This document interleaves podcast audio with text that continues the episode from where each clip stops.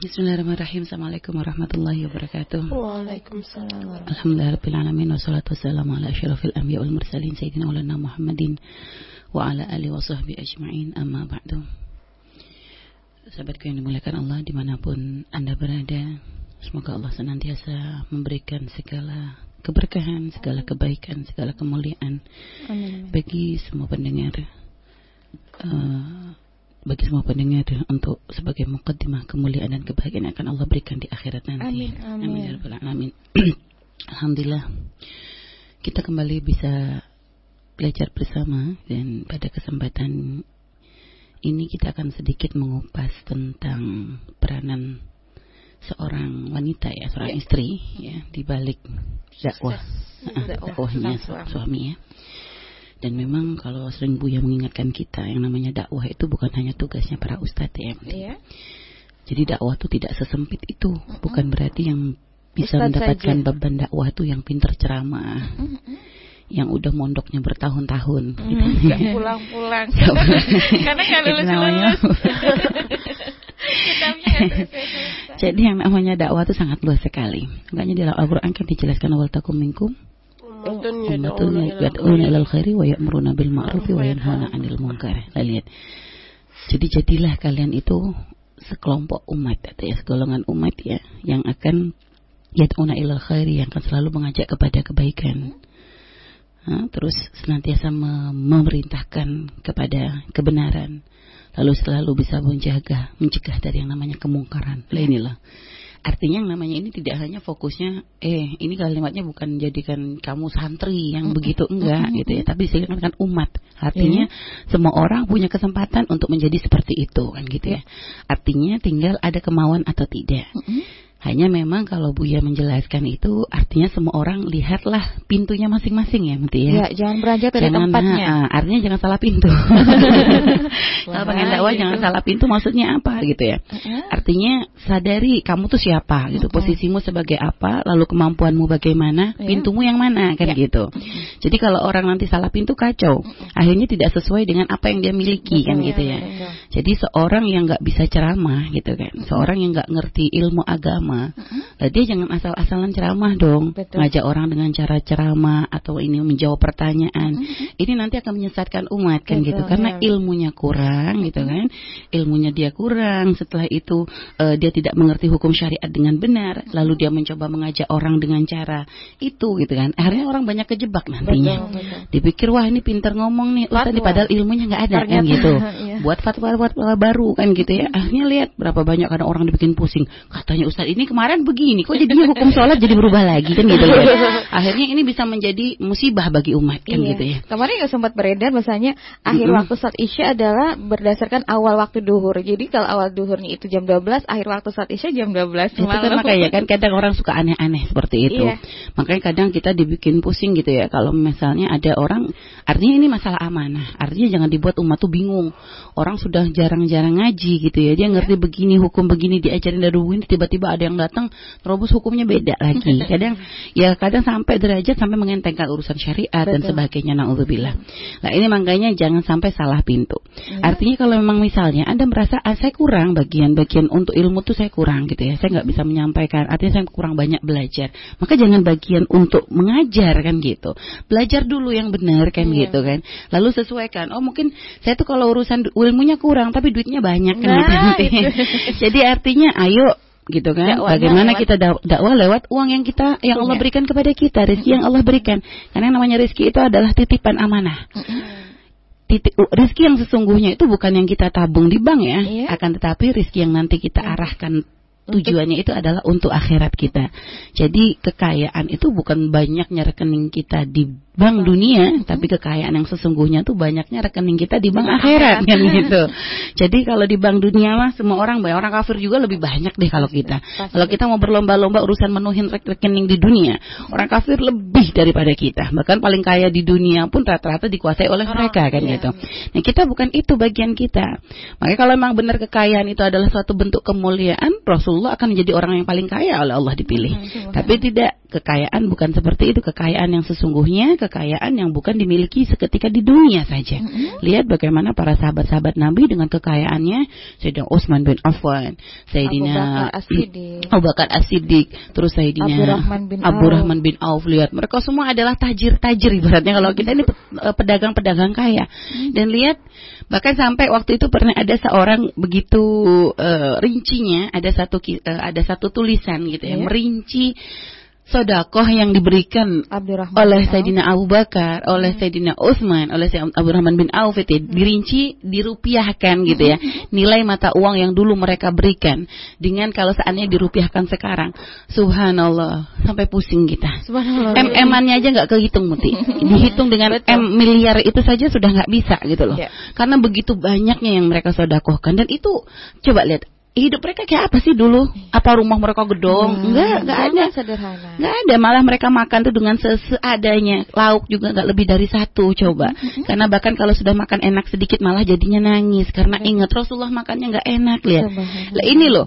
Jadi jadi jangan-jangan hanya melihat keindahan apa kayak kayak kekayaan itu adalah apa yang kita miliki saat ini, tapi apa yang nanti akan kita miliki ketika kita di akhirat. Mobil yang kita pakai saat ini apakah hanya sekedar jadi mobil yang kita pakai untuk pamer dan sebagainya sebagainya. Hmm. Nanti di akhirat kita punya kendaraan apa kan gitu ya. Hmm. Terus baju yang kita pakai saat ini apakah benar baju akan menjadikan kita ditutup auratnya kita ditutup aib dan auratnya nanti di akhirat. Lihat. Hmm. Terus rumah yang kita pakai berteduh saat ini apakah nanti kita juga akan punya rumah di akhirat. Lah ini loh perbandingannya begitu dunia akhirat, dunia akhirat, dunia akhirat gitu. Karena kita nggak mentok di sini. Ini nih sebentar. Semua orang yakin harus tahu kan pasti kita mati kan gitu ya. Dan nggak akan selesai seperti itu. Kalau emang cuma selesai dengan kematian enak banget ya Muti. Iya, apa bedanya kita dengan kucing? apa bedanya kita? Ini kan nggak ada bedanya kita dengan binatang kalau begitu. Tapi kita beda, kita manusia. Oleh Allah diberikan kelebihan, ada akal, ada pikiran kan gitu ya. Sehingga kita bisa membedakan mana baik, mana buruk kan gitu. Untuk kita memilah. Nah lihat, ini untuk yang bagi anda yang punya harta. Nanti anda yang punya pangkat beda lagi gitu ya. Jadi artinya semua orang ini kalau jelasin dakwah nanti kita nggak masuk masuk ke wanita. Intinya semua orang tuh punya pintunya gitu ya. Iya. Artinya wahai para istri kan gitu ya. Sekarang lihat suami Anda tuh sebagai apa? Kalau yang suaminya ustadz, imbangilah untuk bisa menjadi seorang pendukung ya bagi suaminya memang dapat gelar ustadz itu. Iya. Artinya jangan jadikan suami Anda tuh bisa menjadi ustadz khianat gara-gara istrinya kan gitu. Lihat. Jangan jadi ustadz khianat itu. Artinya jangan hanya bangga dipanggil Bu Ustadz atau Bu Nyai atau bunyinya. Jadi bukan kebanggaan, itu bukan itu adalah beban tanggung jawab lebih sebenarnya. Itu adalah amanah yang dititipkan di, di pundak Anda kan gitu ya. Iya. Jadi kan suami Anda ini adalah suami yang benar-benar meneruskan perjuangannya Rasulullah kan gitu. Dakwahnya Nabi Muhammad dengan apa yang dia berikan. Sekarang suami Anda diberikan ilmu, maka dukunglah. Dukungnya bagaimana? Artinya ingatkan di saat suami salah. Itu sendiri adalah satu bentuk dukungan, dakwah. Jadi jangan hanya dipikir, ayo mas pengajian pengajian, bukan begitu. Bukan urusan masalah nyuruh dia ngaji aja gitu. Walaupun ini juga penting gitu ya. Dan bahkan kadang ya dengan posisi sebagai ustaz, sebagai uh, dai ilallah, orang yang mengajak kepada Allah dengan ilmunya ya. Artinya mungkin ada banyak yang harus anda korbankan. Waktu anda dengan dia, mungkin nggak bisa anda tuh pengen musra-musraan aja. Iya. Ada karena bagian dia bukan bukan cuma milik anda, dia milik umat gitu iya. kan ada mungkin dia harus keluar, dia mengajar di luar, ada dia mungkin harus bersama murid, ada mungkin dia harus bersama tamu, ada hmm. jadi ada banyak ada banyak kebutuhan, kepentingan, pengorbanan. Ha, pengorbanan harus dilakukan dan mungkin ada saat-saat anda lagi butuh pun ternyata dia nggak bisa mendampingi anda. Hmm. Lihat, ini kan terjadi pada pada pada waktu Nabi Muhammad bagaimana dengan para istrinya. Lihat, jadi ketika Rasulullah perang sudah Rasulullah meninggalkan ini semuanya. Istrinya dititipkan kepada seorang sahabat untuk mengontrol keperluan istrinya semua. Lalu Nabi sendiri berperang. Jadi dan istrinya mendukung, bahkan mem mereka mempersiapkan kebutuhan Nabi ketika akan berperang. Gak ada digandolin, jangan pergi nanti saya jadi janda, gak ada.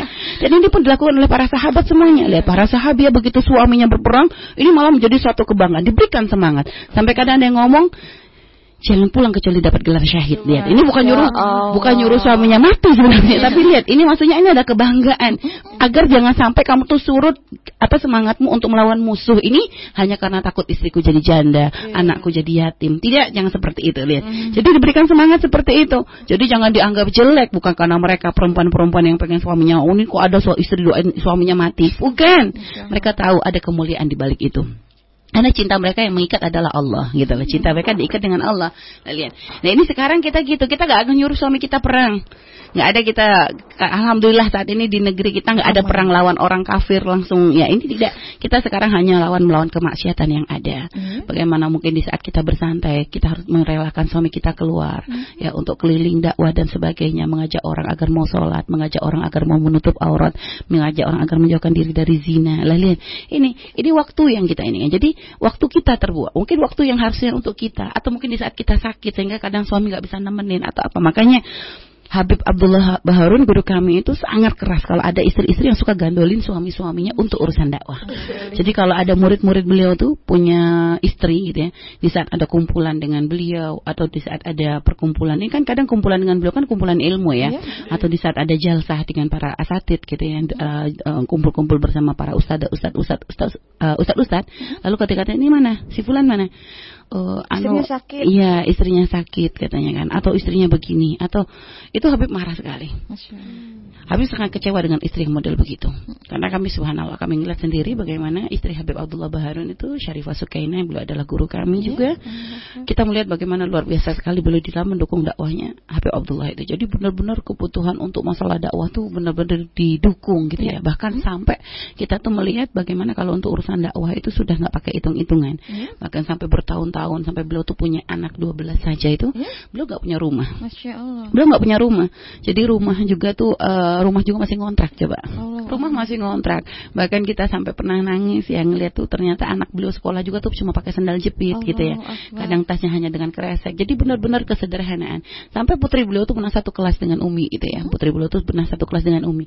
Subhanallah, deket dengan dia tuh Umi selalu nyium bau dapur. Allah, Yang namanya baju dia tuh tidak pernah ganti selama satu tahun Umi berteman dengan Allah. dia tuh itu baju abayanya ya itu itu aja. Paling banter waktu lebaran saja dia punya baju abaya baru.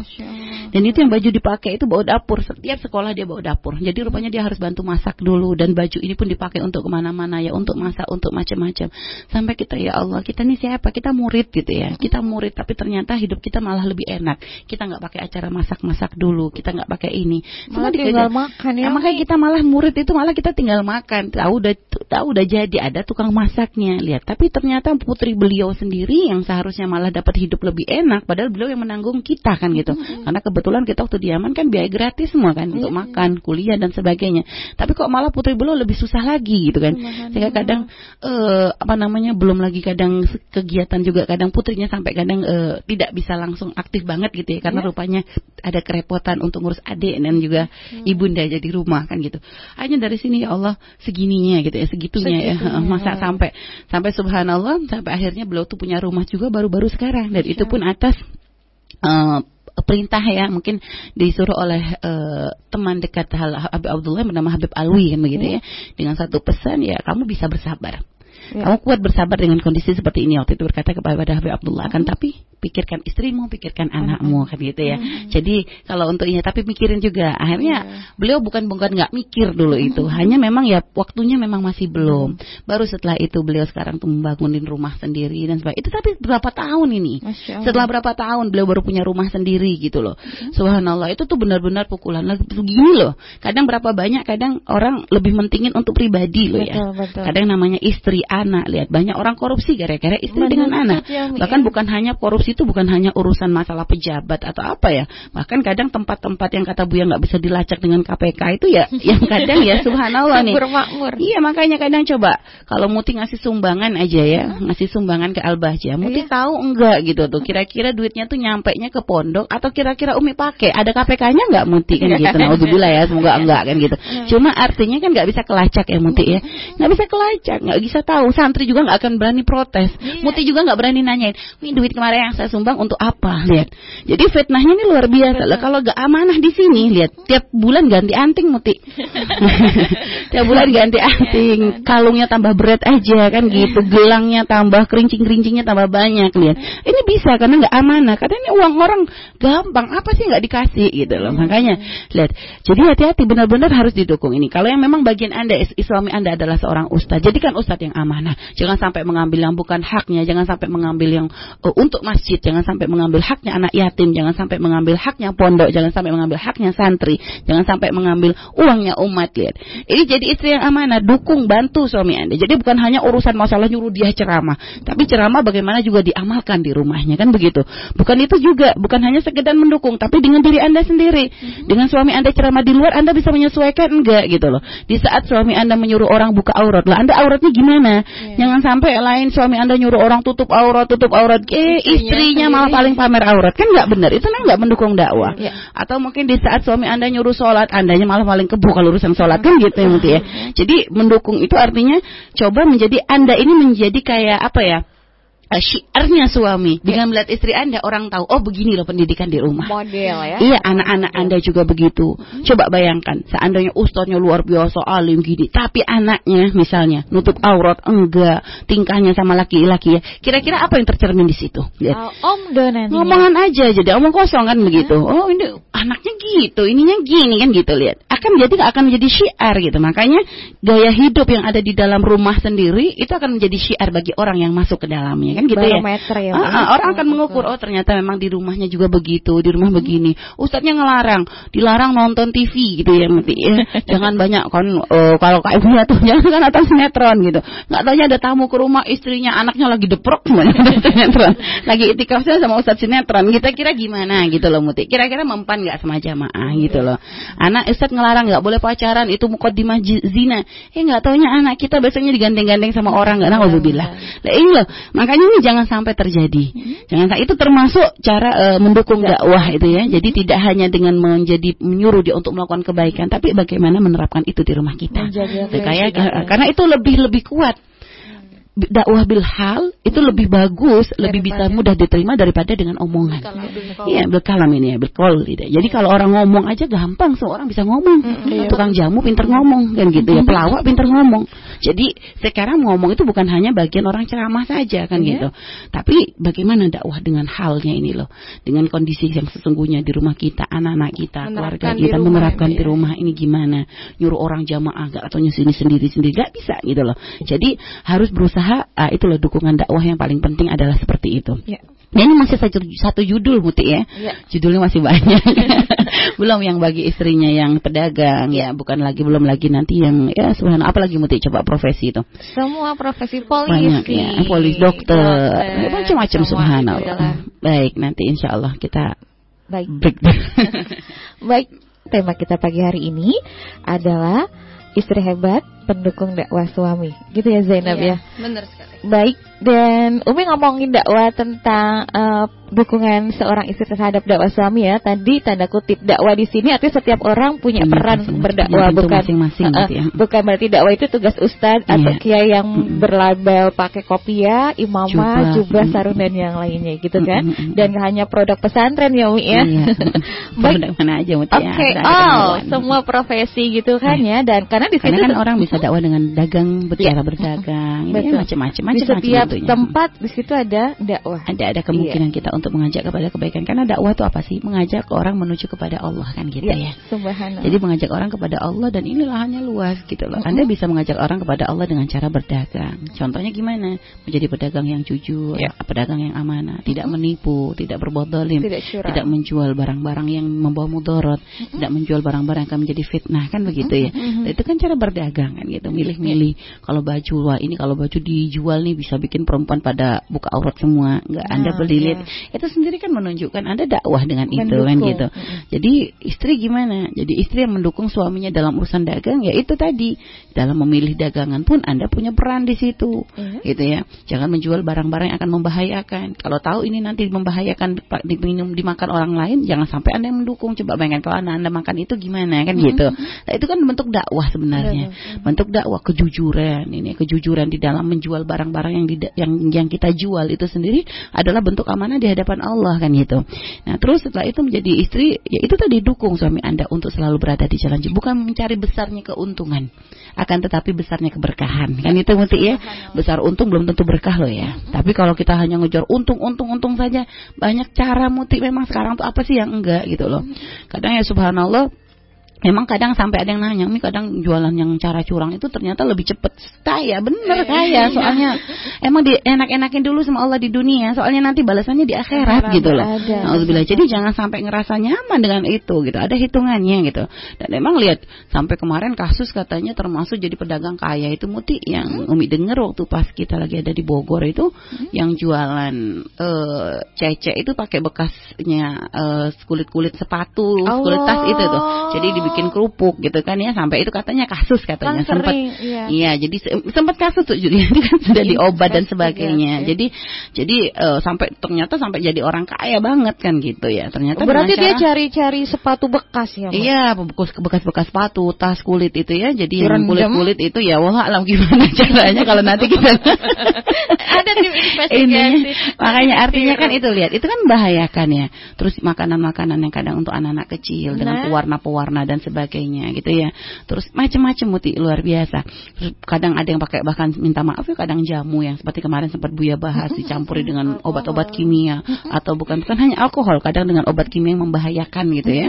Jadi kalau alkohol iya itu jelas haram ya, tapi kadang ada orang dianggap kalau mencampurkan dengan obat-obat yang berbahaya itu nggak dipikir nggak nggak nggak haram, haram sama. Iya. Lihat sampai kadang semua semua uh, obat dikumpulkan jadi satu gitu ya.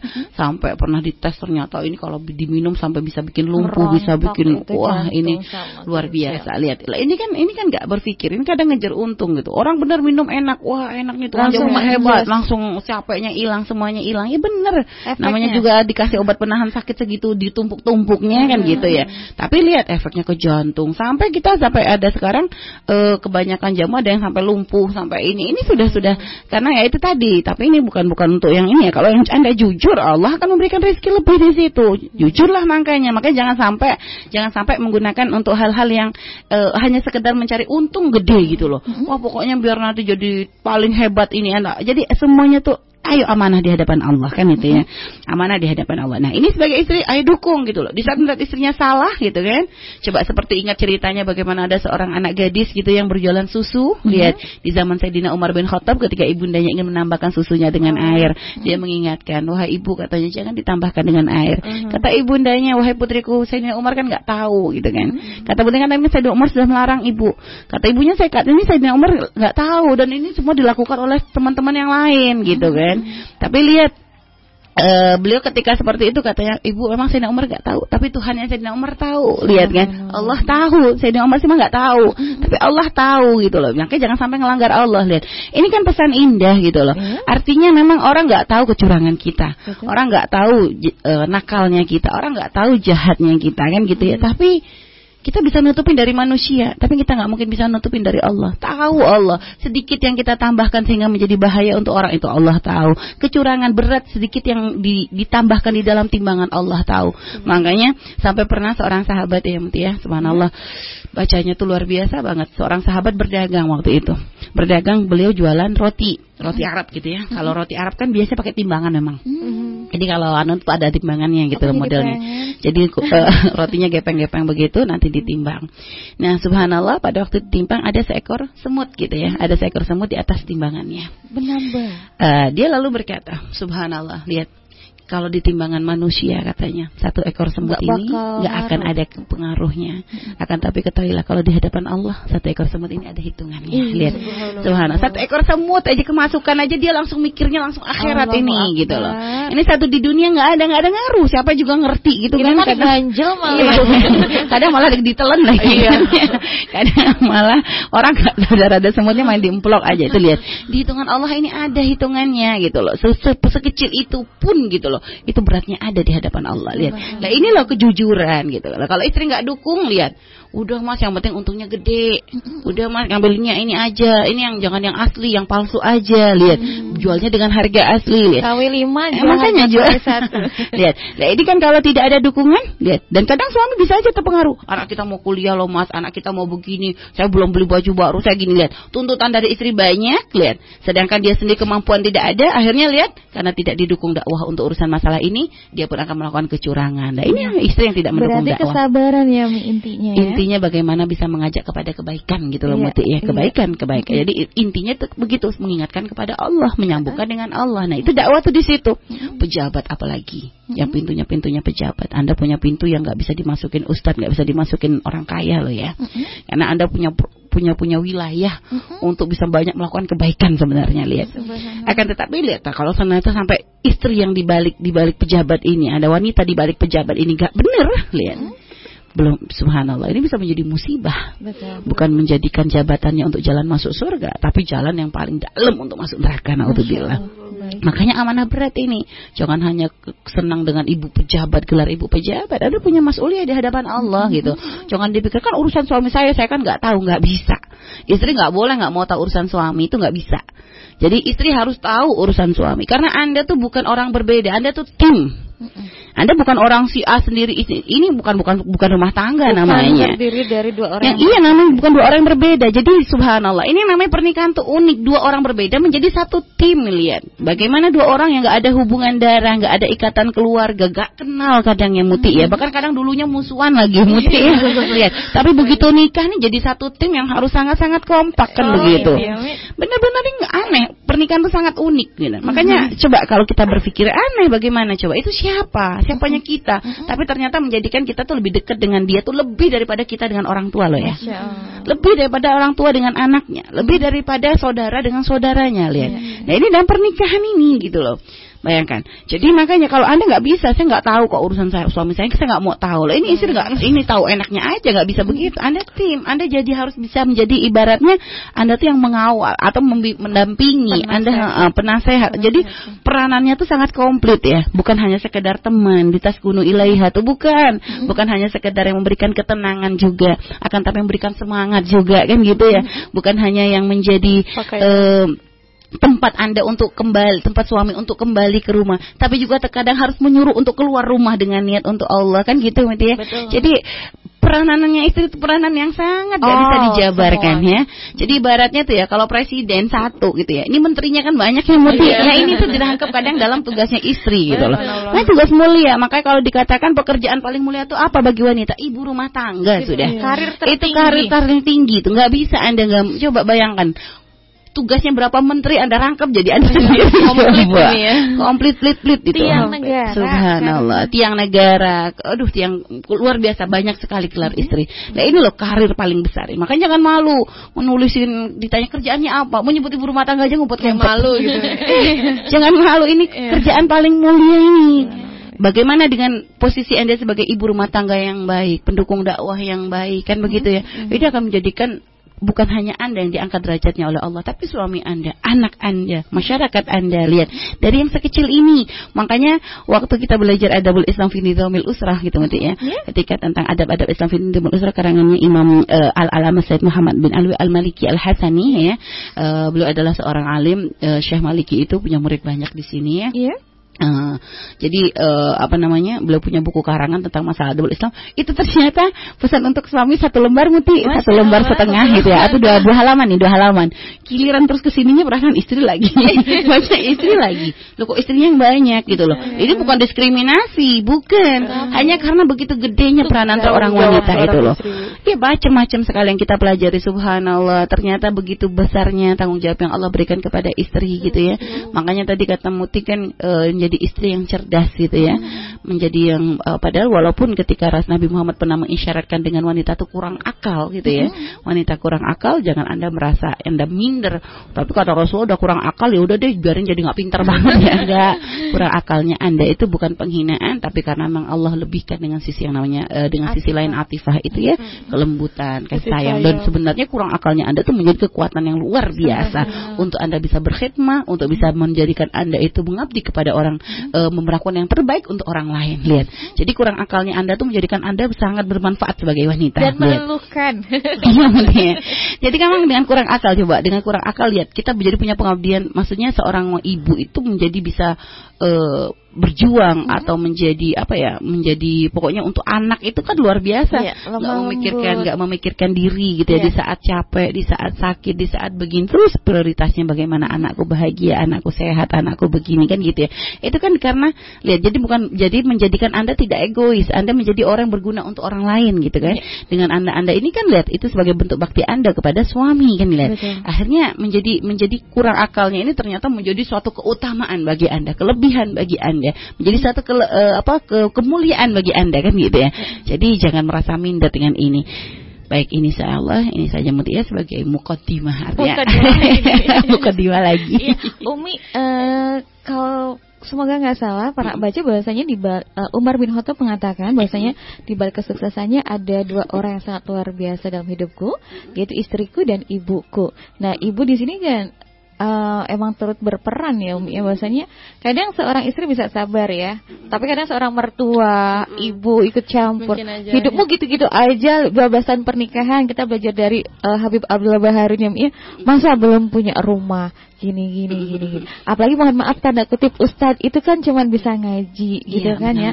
Kesannya rezeki tahlil aja Mi dilihat kadang kan, seperti itu iya ya. jadi bentuk dukungan seperti apa Mi mungkin yang harus kita sampaikan ke publik Uh, artinya gini memang benar, ibu sendiri memang punya peranan karena yeah. ketika seorang suami menikah, ya, kalau seorang wanita menikah, mm -hmm. maka haknya suami lebih gede daripada haknya orang tua yeah. dia kan gitu. Mm -hmm. Tapi ketika seorang laki-laki menikah, hak mm -hmm. ibundanya tetap lebih gede daripada hak suami istrinya. Mm -hmm. Jadi dia tidak boleh mengesampingkan ibundanya, mm -hmm. karena memang ibunda sendiri itu haknya gede bagi seorang suami gitu loh. Mm -hmm. Jadi kok pilih kasih banget gitu kan? Ya bukan pilih kasih, Allah sudah menempatkan ini udah sesuai tempatnya dan ini sudah luar biasa adil.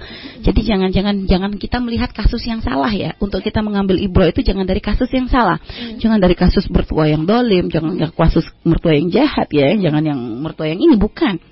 Ini ambil dari kasus yang biasanya umumnya akal seh atau yang berakal berakal ini ya. terjadi gitu ya ya Standarnya berarti agama ya, ya. ya. Jadi gitu. Makanya e, karena memang ibu itu punya peranan penting bagi seorang anak laki-laki gitu ya. ya. Bahkan di saat sebelum dan sesudah menikah, maka ibu ini punya punya punya andil yang luar biasa nah, kan gitu. Itu kan kadang seorang istri kadang nggak nerima ikut campurnya uh, mamah mertuanya. Makanya kalau kata kata Habib Alwi itu paling bagusnya gitu ya. Hmm. Paling bagusnya termasuk tanda bakti kepada suami itu di saat seorang istri itu bisa berbuat baik kepada orang tuanya. Itu tanda mertuanya. Nah, Maksudnya orang tua suaminya. Iya, mm. nah, jadi uh, jadi dengan berbakti paling bagus termasuk tanda bakti ya hmm. kepada suami itu adalah dengan berbaik baik kepada orang tua suami kita. Nah itu. Itu karena apa? Untuk menye, menye, menye, menyamakan ya sama-sama satu tujuan Misi. gitu misinya, visinya gitu ya. Karena memang ya peranan ibu tuh penting banget gitu loh. Hmm. Karena memang ya benar kata Sayyidina Umar, ibunya coba Imam Syafi'i gede karena siapa? Coba ya, kan dibalik ya. beliau siapa? Yang mendukung beliau sampai melepas, sampai janjiannya di surga itu siapa? Oh, kan gitu. Itu Syafi'i ibundanya itu. Terus uh, Rabi'atul Ra'i, Imam uh, Syekh Rabi'atul Ra'i ada seorang alim, seorang termasuk mujtahid juga kan gitu kan. Lihat, siapa di baliknya beliau? Ibundanya. Bapaknya waktu itu ke mana? Pergi perang Muti. Sampai dari mulai beli masih di dalam kandungan sampai beliau menjadi seorang ulama besar, lihat aban, ayahnya baru pulang. Allah. Lihat, dengan ibundanya dengan uang secukupnya yang diberikan oleh suaminya itu, uang yang secukupnya yang kalau dihitung nggak ada ya seberapa sih gitu, tapi digunakan untuk mendidik anaknya menjadi orang alim. Belum lagi eh, apa namanya Imam Abu Hurairah sendiri itu sangat cinta kepada ibundanya, lihat. Jadi ini lihat, kalau kisahnya banyak banget gitu loh, kisah-kisah yang ternyata di balik itu ada ibundanya itu tuh luar biasa biasa. Hmm. Uh, terus siapa namanya? Ah, Ahmad Baido uh, Syekh Syekh uh, Syekh Baido uh, Syekh. Ahmad Baidowi? Baid, uh, lupa. itu yang disyirka yang ini ya. Siapa yang kata Buya waktu itu uh, yang dia pengen mengaku laki-laki dengan tapi ditanya oleh ibundanya udah ketemu Rasulullah belum? Itu tuh. Itu kan pernah Bu yang menceritakan ada seorang anak laki-laki yang dia tuh sudah dapat ilmu udah menjadi orang gede lah gitu ya maksudnya sudah ngajar dan sebagainya. Akhirnya datang kepada ibundanya Alhamdulillah ibu uh, saya sudah menjadi orang yang dewasa saya sudah bisa ngajar sudah begini.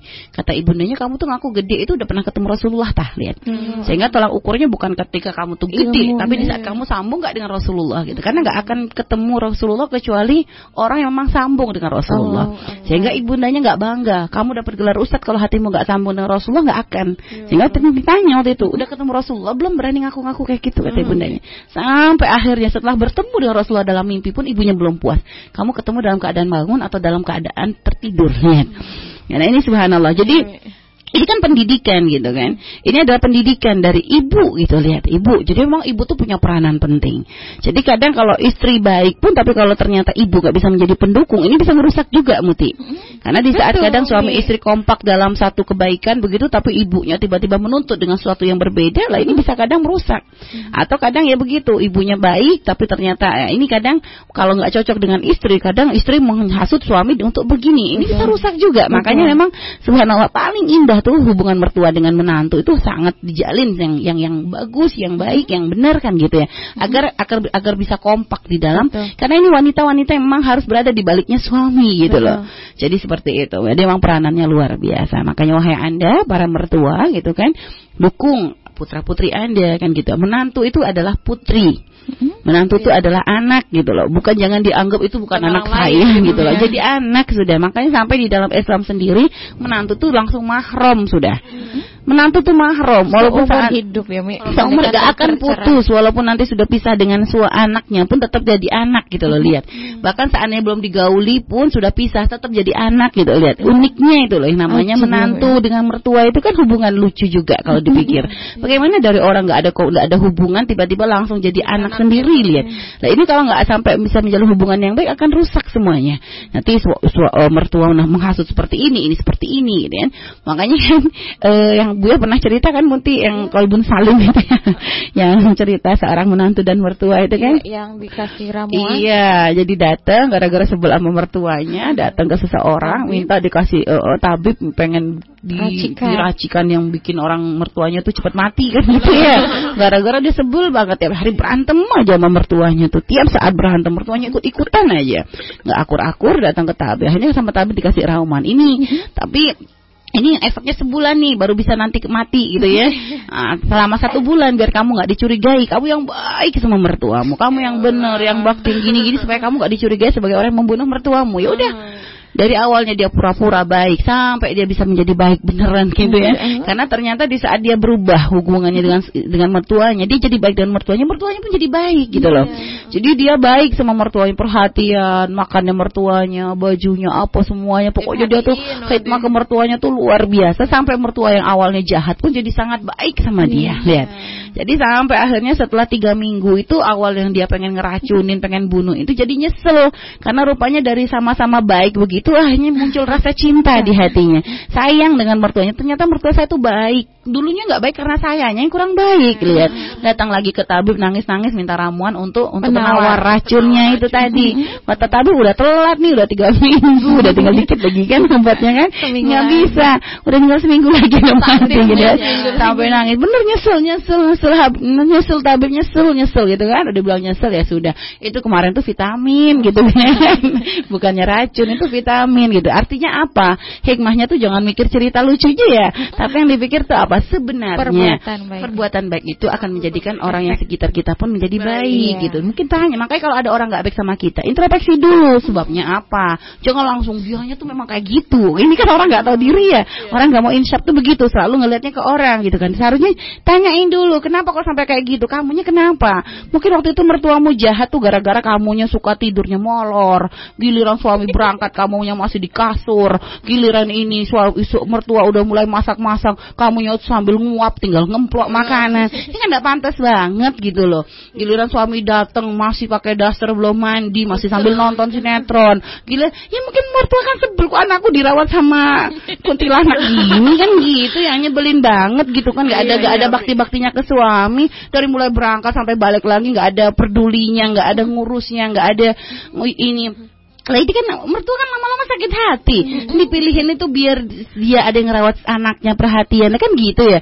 Jadi ujung-ujung istrinya kayak gitu. Makanya jadi sebel, jadi kasar, jadi ini sebagai mungkin karena sikap kita sendiri.